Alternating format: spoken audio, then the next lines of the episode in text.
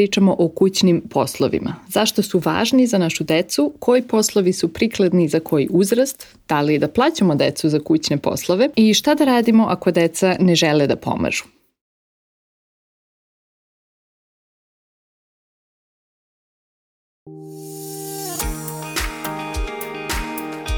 Dobrodošli u Radosno roditeljstvo. Ja sam Ana, a ovo je podcast u kome pričamo o svim temama vezanim za roditeljstvo i koji vam nudi ideje i inspiraciju kako biste pronašli još više radosti u roditeljstvu i uživali u svojoj deci.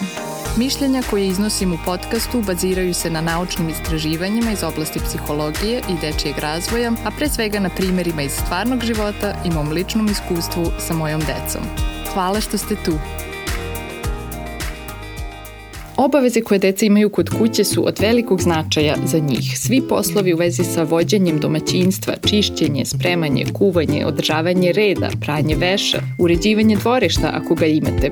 Sve su to ključne životne veštine koje deca neće naučiti nigde drugde osim kod kuće. Verovatno svi želimo da kada naša deca postanu samostalna, a i ranije dok žive sa nama, razviju ove veštine, da ne žive u neurednim uslovima, ne znaju da kuvaju ili da operu svoj veš. Želimo da su naša deca sposobna da primete šta je potrebno da se uradi, da naprave red, da počiste za sobom, da vrate stvari na svoje mesto, operu sudove, slože veš i slično. Ovo je nešto što će i nama koristiti jer će nam smanjiti broj kućnih obaveza. Svima nam je potrebna pomoć i što je dete starije, to će više moći da nam pomaže i to će nam zaista i značiti. Ako dete postavi sto, namesti svoj krevet, promeni svoju posteljinu, složi svoj veš i tako dalje, to je nešto što nam zaista puno pomaže pomaže. Ali ono što je još važnije od toga je da kada deca pomažu oko kućnih poslova odrastaju osjećajući da nečemu doprinose, da su važan deo porodice, da su sposobni, da znaju kako da pomognu, da rade nešto što je značajno za odrasle oko njih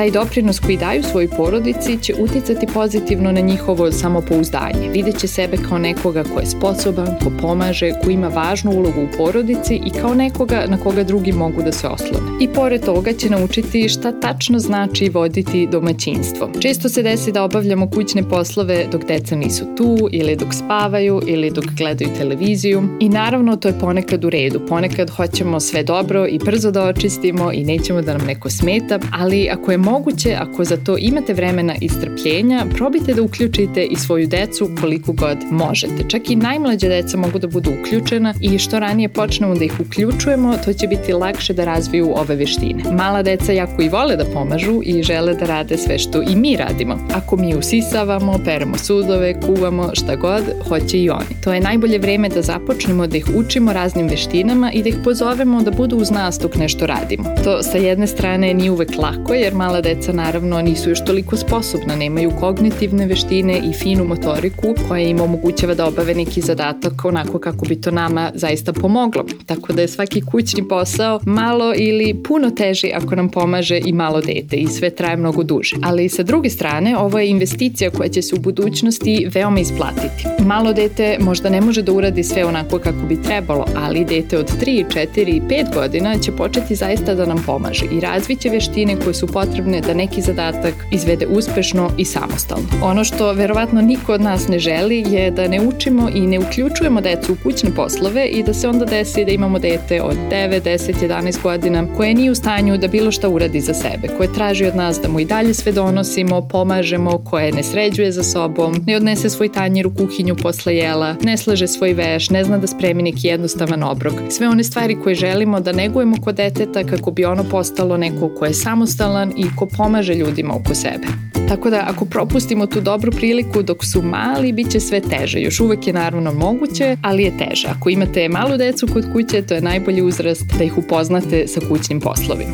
Neki od nas možda imaju grižu savesti ako zamole dete da ugasi televizor i postavi sto ili odbiju neki njegov zahtev da mu donesu vodu, na primjer, ili da mu pomognu da se obuče. Imamo osjećaj krivice i mislimo da je to naša dužnost jer smo roditelji ili smo možda loš uzor ako ne pomognemo detetu. I naravno da želimo da stvorimo atmosferu uzajamnog pomaganja, ali takođe želimo da imamo očekivanje da deca to mogu i sama i da ih mi u tome podržavamo. Možda ste i vi čuli ovaj citat, nemojte nikada raditi za dete ono što može i samo. Naravno da će uvek biti izuzetaka, ali nije loše da se ovoga generalno pridržavamo, bez osjećaja krivice, jer time u stvari činimo deci veliku uslugu i dajemo im osjećaj da su sposobni i da mogu da nauče nove veštine. Pri tome ćemo im naravno pružiti našu podršku, pokazat ćemo im korake koji su neophodni da bi savladali neki novi zadatak. Ne moramo grubo da ih odbijemo ili kažemo ti si sad veliki, to možeš i sam, neću ja sve da radim za tebe. Na primjer, moja čerka je nešto slučajno prosula i zove mene da to počistim. U tom trenutku ja imam dve opcije. Mogu da dođem i kažem naravno da ću počistiti, nije nikakav problem. U tom slučaju ja je učim da sam tu, da joj pomognem i to je lepo, ali je takođe učim da je u pravu, da to nije nešto što ona može da uradi, neko stariji mora da joj pomogne. Ako si malo lenja i lako odustaneš, neko drugi će uskočiti, pomoći će ti, neko drugi će uraditi ono što se tebi ne radi. Ja ne moram ništa da uradim, mama će to srediti, ne moram da naučim kako se uzima krpa i nešto obrišem. Umesto toga ja mogu da ponudim pomoć i podršku i u isto vreme očekujem da to što se prosulo obriše sama. Mogu da kažem, o da, baš nezgodno, svima se to ponekad desi, u kuhinji stoji crvena krpa, uzmi je i obriši. Ja mogu da stojim pored nje i mogu da pomognem ako treba, ali neću to preuzeti na sebe, nego to vidim kao priliku da moja čerka bude samostalna i sposobna da počisti za sobom. Dakle, sa jedne strane imamo visoka očekivanja od dece i želimo da budu samostalni, a sa druge strane u tome pomažemo. Na primjer, ako dete traži vodu od nas, ako očekujemo da je donese samo, onda to mora biti moguće za dete. Može da dohvati čaše, ima hoklicu na koju stane i tako dalje. Ili ako nam pomaže u kuhinji, možda ima specijalni dečiji nož za kojim seče. I naravno, mi smo uvek uz dete da mu pokažemo kako se određene stvari rade. Često pitanje u vezi kućnih poslova je i da li da plaćamo decu za obavljene kućne poslove. O nagradama i pohvalama će biti posebna epizoda, a što se tiče kućnih poslova, moje mišljenje je da ne treba plaćati decu za sitne poslove koje obavljaju kod kuće. Kada deca pomažu bez da su za to plaćena, uče da su deo porodice, da svi pomažemo i radimo zajedno kao tim, zato što nam je stalo da je naš dom čist i prijatan. Takođe, ako počnemo da plaćamo decu za kućne poslove, može da se desi da dete odluči da mu nisu potrebne pare i ne želi da obavi neki posao. I isto tako neće hteti ništa da uradi bez plaćanja i za svako novo zaduženje će verovatno prvo pitati koliko ćemo ga platiti. Dakle, fokus je isključivo na nagradi, na plaćanju, a ne na zadovoljstvu koje dete osjeća kada nauči da uspešno obavi neki zadatak, kada zna da je nekome pomoglo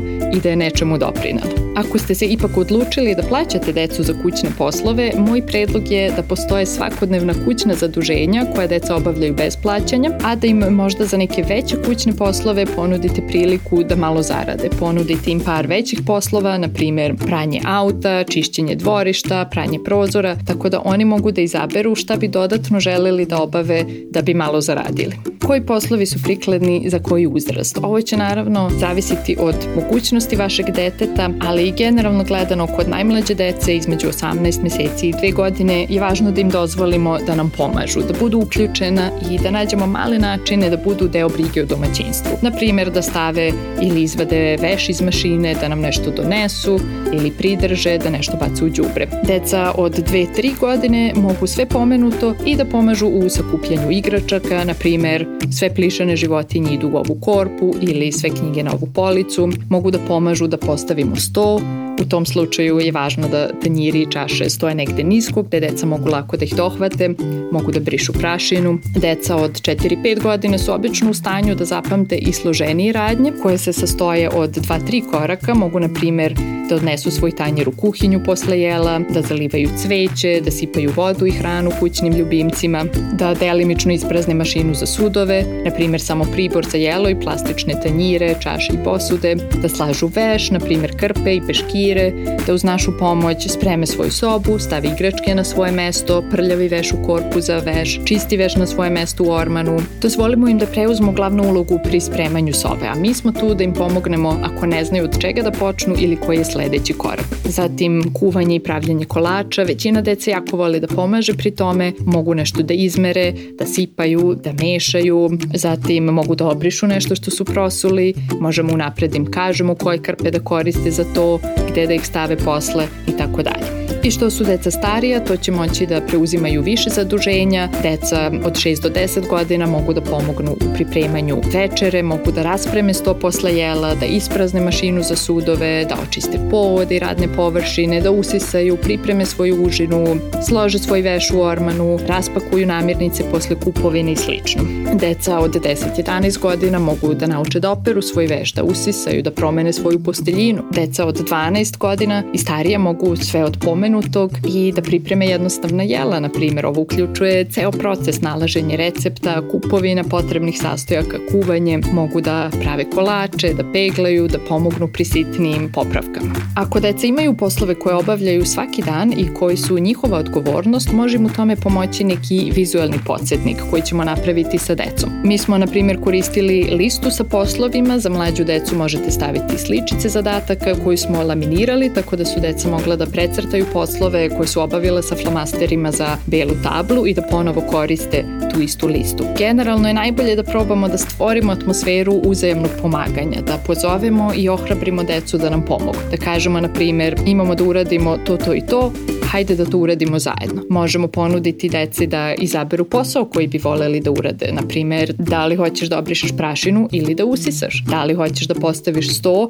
ili da oljuštiš krompir. Ili ako imate malo stariju decu, možemo napraviti listu sa svim poslovima koji treba da se urade i napisati koliko otprilike traju ti poslovi. 5, 10, 15 minuta. Ako ne računamo kenkanje i protivljenje, većina poslova traje dosta kratko. I dete onda može da izabere pola sata poslova, na primer dva posla od 15 minuta ili više kraćih poslova. Takođe možemo probati da ceo proces učinimo zabavnim, možda slušamo uvek istu muziku kada spremamo ili možda možete od spremanja napraviti neku igru. Isto tako pomaže kada se pojedini poslovi obavljaju uvek u isto vreme, kada su sastavni deo našeg dnevnog ili nedeljnog porodičnog ritma. Na primer, uvek pre večere spremamo dnevnu sobu. Jer ako samo spontano primetimo da nešto treba da se uradi i onda zahtevamo da dete to uradi, na primer, dođe da isprazniš mašinu za sudove ili vreme je da središ svoju sobu, a naše dete je trenutno zauzeto nečim drugim, to nije najbolji način da podstaknemo dete na saradnju. Mnogo je bolje da se to sa detetom dogovorimo i planiramo unapred. Ako imate porodični sastanak, o tome smo pričali u 19. epizodi, možete na porodičnom sastanku pričati o nedeljnom planu kućnih poslova. Pitati decu kako im se čini, da li žele nešto da promene ili reći šta ste vi primetili ili šta biste vi želeli da promenite. I takođe ne zaboravimo da je sve ovo proces, da će dosta dugo trajati dok naše dete ne bude moglo sasvim samostalno da obavi neki zadatak. Ponekad pretpostavimo da dete zna kako da uradi nešto, ali često to nije slučaj i potrebno je da uložimo malo vremena i naučimo dete kako da izvede neki zadatak. Da, na primer, prvo mi nešto radimo, a da nas dete gleda, zatim da to uradimo zajedno, sa mlađim detetom je ovo korak koji traje dosta dugo, dugo ćemo nešto raditi zajedno, a sa starijom decom kada nešto radimo radimo zajedno, to može da bude lepa prilika za razgovor i povezivanje. Sledeći korak je da dete proba samo, a mi ga posmatramo i tek onda će dete moći sasvim samostalno da izvede neki zadatak. Ako vam se dešava da dete ima poteškoća da izvede neki zadatak, to može biti zato što u stvari nije sigurno kako da to uradi i fale mu neophodne veštine. Ako vaša malo starija deca do sada nisu obavljala kućne poslove, a želite da počnu da pomažu, objasnite im razloge, pričite sa njima kakva porodica želite da budete, zašto je važno da svi pomažu i doprinose. Uključite ih u ceo proces, zajedno napravite plan i nove rutine, pitajte ih šta oni misle i šta bi voleli da rade, umesto da im samo kažete od sutra ti radiš to i to. Takođe je važno da ne insistiramo previše na određenom načinu da se nešto uradi i da ne ulazimo u borbe moći oko kućnih poslova. Ako dete ne deluje motivisano ili se žali što mora nešto da uradi, probajmo da ne reagujemo burno, da ne grdimo, ne krivimo ili ne posramljujemo dete. Možemo pokazati razumevanje da se detetu trenutno to ne radi i dalje očekujemo da to uradi, ali razumemo da je možda umorno ili imalo težak dan. Možemo pitati šta bi mu pomoglo, da li možemo zajedno da počnemo, jer je ovo posao koji mora da se obavi danas. Tako da uz razumevanje imamo i očekivanje da se nešto uradi, na primer pre nego što negde idemo ili pre nego što gledamo televiziju ili pre večere. Dok to ne uradimo, ne dešava se sledeća aktivnost. Možemo o tome pričati i kasnije sa detetom. Na primjer, ove nedelje nije baš dobro išlo sa kućnim poslovima. Šta ti misliš o tome? Kako to da poboljšamo? Ako vaše dete i posle svih razgovora i priprema i pomoći koju nudite odbija da sarađuje, preispitajte malo kako generalno izgleda vaš odnos poslednjih dana i nedelja. Da li dete često ne sarađuje? Da li se često nađete u borbi moći? Da li su vaše interakcije pretežno negativne? U tom slučaju je bolje da se prvo posvetimo našem odnosu sa detetom, da provodimo vreme nasamo sa detetom, da se ponovo povežemo. Kada se deca osjećaju povezano, kada osjećaju da ih razumemo, da smo sa njihove strane, bolje se ponašaju i bolje sarađuju. Odnos koji gradimo sa svojom decom je najmoćnije sredstvo da utičemo na njihovo ponašanje. I onda, posle izvesnog vremena, kada imamo osjećaj da je naš odnos stabilniji i pozitivniji, možemo sa detetom pričati o kućnim poslovima. Reći mu šta očekujemo i zašto i ako se dete osjeća povezano, ono će to razumeti i onda možemo zajedno napraviti plan i dogovor i kasnije ako za to bude potrebe podsjetiti dete na to. Sećaš se šta smo se dogovorili? Primetila sam da još to nisi uradila, molim te uradi to i to. I na kraju, kada dete poštuje dogovor, kada nam nešto pomogne, pokažemo mu da zaista iskreno cenimo njegovu pomoć, da je uradilo nešto važno i da je u nečemu uspelo. Hvala ti što si složio svoj veš, to mi je puno pomoglo. Ili hvala što si mi pomogla, zajedno smo brže završile. Ili ti si pomagao da napravimo tortu za baku. Uspela si sama da središ svoju sobu i sada se u njoj sigurno osjećaš ugodnije. Da li vaša deca imaju kućne poslove i koje? Da li se pri tome susrećete sa nekim izazovima i kako ih rešavate? Javite nam u komentarima uz ovu epizodu na web stranici radosnoroditeljstvo.com I takođe, ako mislite da bi ova epizoda nekome mogla da koristi, podelite sa svojim prijateljima.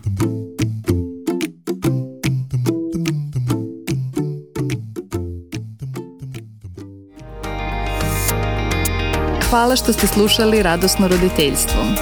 Ako imate neko pitanje, predlog ili samo želite da mi se javite, pošaljite mi e-mail na adresu podcast.radosnoroditeljstvo.com ili popunite kontakt formular na web stranici radosnoroditeljstvo.com. Čujemo se za dve nedelje.